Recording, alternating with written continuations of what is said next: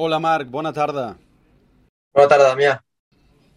Escolta, per molts anys, perquè aquesta victòria es pot acabar recordant molt més que, que, que alguns títols dels teus. I a més a més, quina responsabilitat sortir amb l'actitud de guanyar després de 3-0, no?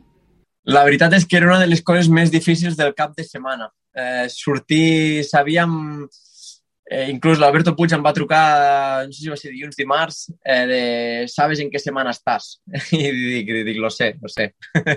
no te falta que me lo recuerdes. Però sí que, que tot això, eh, vulguis o no, pues, eh, pues pese. Eh, vens de fer 3-0 seguits, eh, vens de, de, de caure, però també venia de la, del meu primer dia de pretemporada, que va ser el test de Montmeló, d'un dia que vaig rodar sol, que vaig rodar moltes voltes eh, i tot això ajuda. Venia amb un circuit també que tenia molts, molt bons records i, i amb un circuit que ja vaig avisar des del, di, de, del dijous que les limitacions físiques serien menys. I a l'haver menys limitació física, doncs allà m'ha permès treballar un cap de setmana normal. Des del divendres ja sortir amb ganes, sortir apretant i, i sí, quan he passat, eh, quan he creuat la línia de meta, bueno, jo crec que no sé, no, no, encara no, no sóc conscient del que ha passat, del que, del que hem aconseguit. Suposo que a Holanda, quan tornem a patir, llavors valoraré més aquest cap de setmana.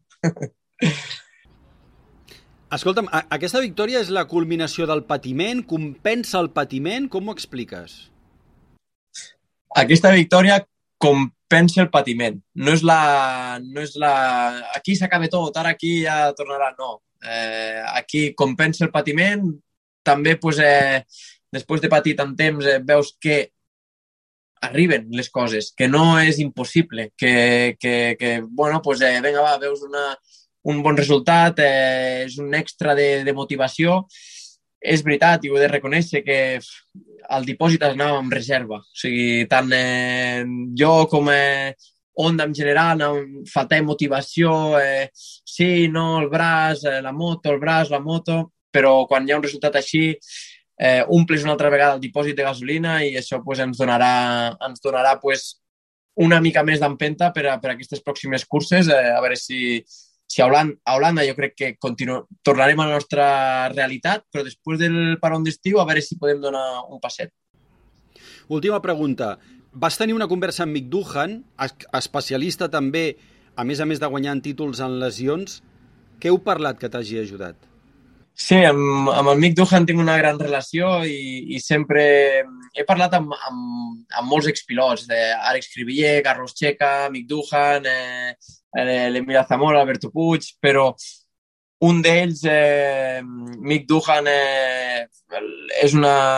el que va fer al seu dia eh, ho trobo increïble i un dels moments que va passar la seva carrera esportiva va ser similar al meu, que va ser el 92-93, eh, una greu, una greu eh, lesió al, a la cama eh, i, i això, pues, eh, la seva tornada no va ser fàcil. Eh, té moltes caigudes, eh, no acaba d'anar bé i al final eh, va, va guanyar cinc títols consecutius eh, després de recuperar-se. Així que el, vam parlar amb Mugello, però vaig, li vaig dir, puc trucar un dia i m'expliques tot el que va passar? I m'ho va explicar.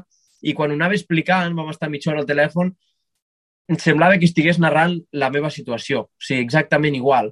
Eh, va tornar, la moto no era la que havia deixat, eh, no en tenia res, després van tornar la moto que havia deixat, tampoc en tenia res, caigudes estúpides, errors estúpids, eh, però bueno, eh, un dia anava ràpid i no en tenia per què, l'altre dia anava lent i no en tenia per què, però bueno, eh, això em va donar molta tranquil·litat de que s'ha de continuar treballant i que tard o d'hora pues, eh, buscarem o trobarem un moment de més estabilitat.